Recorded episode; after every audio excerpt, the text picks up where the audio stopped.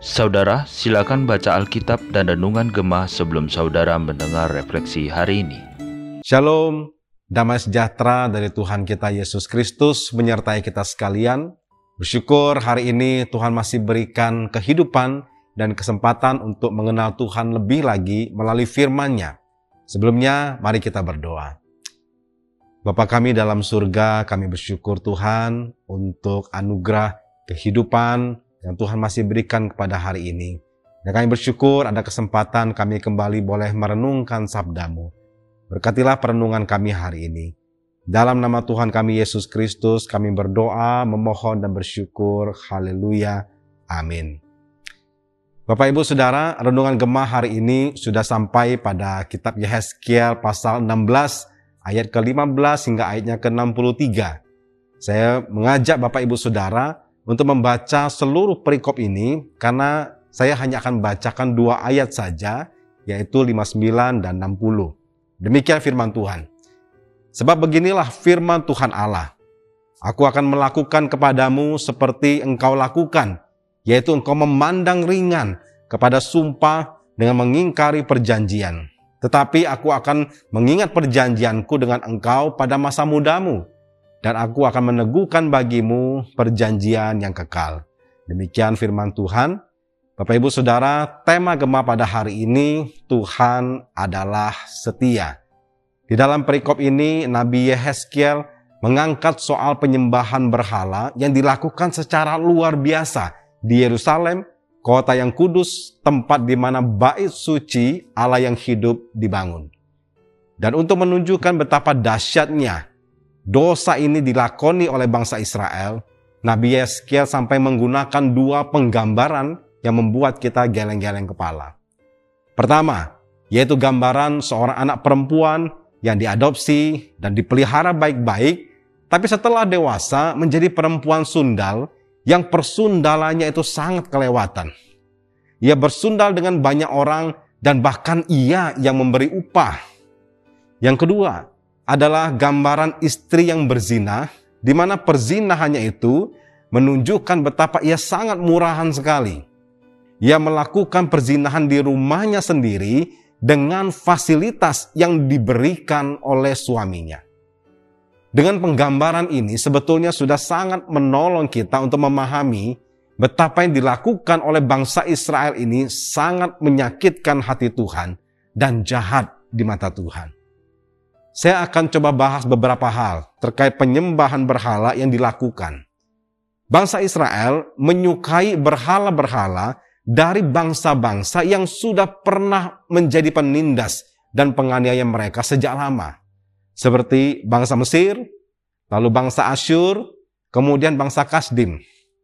Berhala-berhala dari masing-masing negeri ini mereka sembah dan mereka buatkan tempat di Yerusalem yang dilakukan oleh orang Israel ini bahkan dikatakan sampai dicemooh oleh orang-orang atau bangsa Filistin yang juga merupakan penyembah berhala.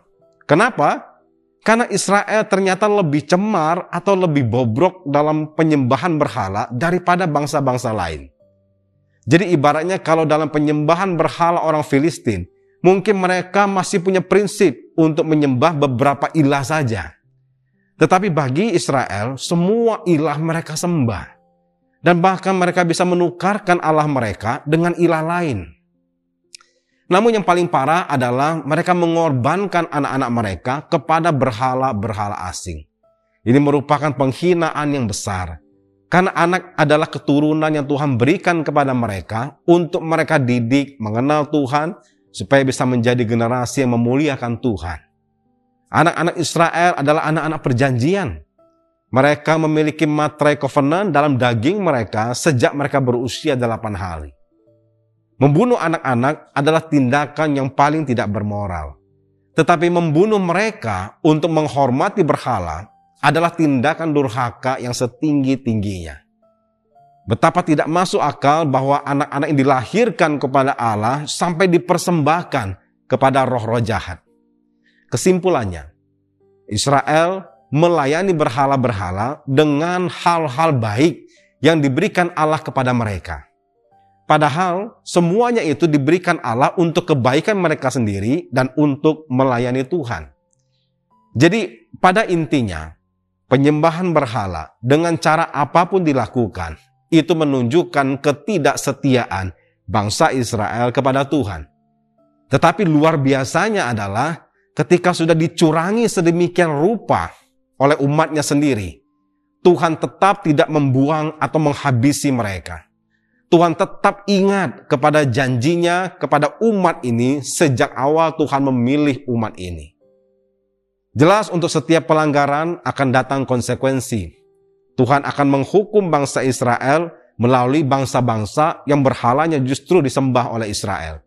Tetapi kemudian Tuhan akan menyelamatkan mereka lagi setelah masa penghukuman itu selesai.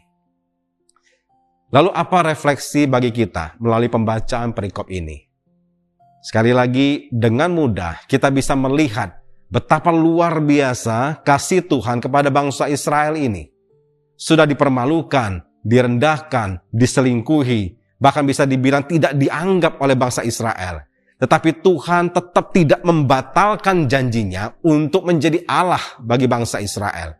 Tuhan tetap sabar. Kasih Tuhan tidak terhenti oleh pengkhianatan umatnya.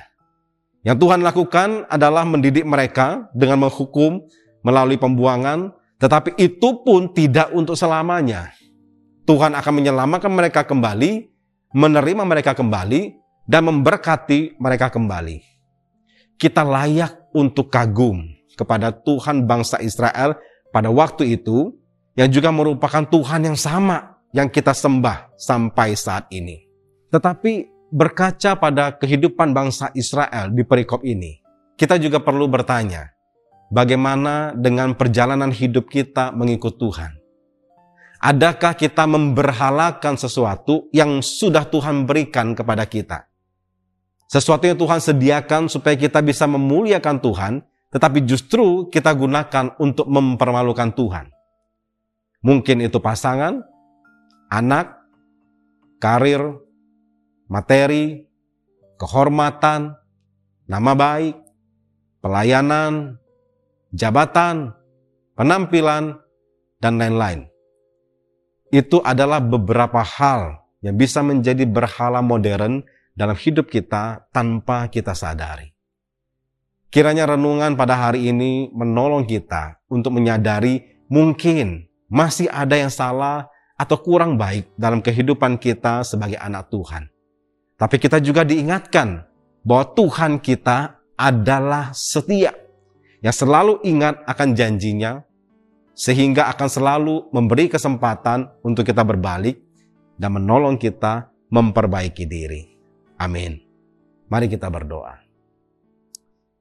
Kami bersyukur ya Tuhan, kalau hari ini kembali kami boleh merenungkan dan diingatkan betapa luar biasa kasih setia Tuhan kepada setiap kami yang sudah Engkau pilih Tuhan. Betapa Engkau sabar untuk menghadapi kami, bahkan Tuhan Engkau membentuk kami sedemikian rupa, sampai kami nanti menjadi seperti yang Tuhan ingini. Biarlah melalui perenungan hari ini kami boleh belajar kembali memeriksa kehidupan kami. Dan kalau ada yang kami tahu ada yang salah atau bahkan kami memberhalakan sesuatu dalam hidup kami, kami minta maaf dan kami bertobat hari ini dan kami bisa memperbaiki diri supaya hidup kami ke depan bisa mempermuliakan Tuhan, bukan mempermalukan Tuhan. Terima kasih untuk renungan hari ini. Terpujilah namamu ya Tuhan. Di dalam nama Tuhan kami Yesus Kristus, kami berdoa, memohon dan bersyukur. Haleluya. Amin. Tuhan memberkati.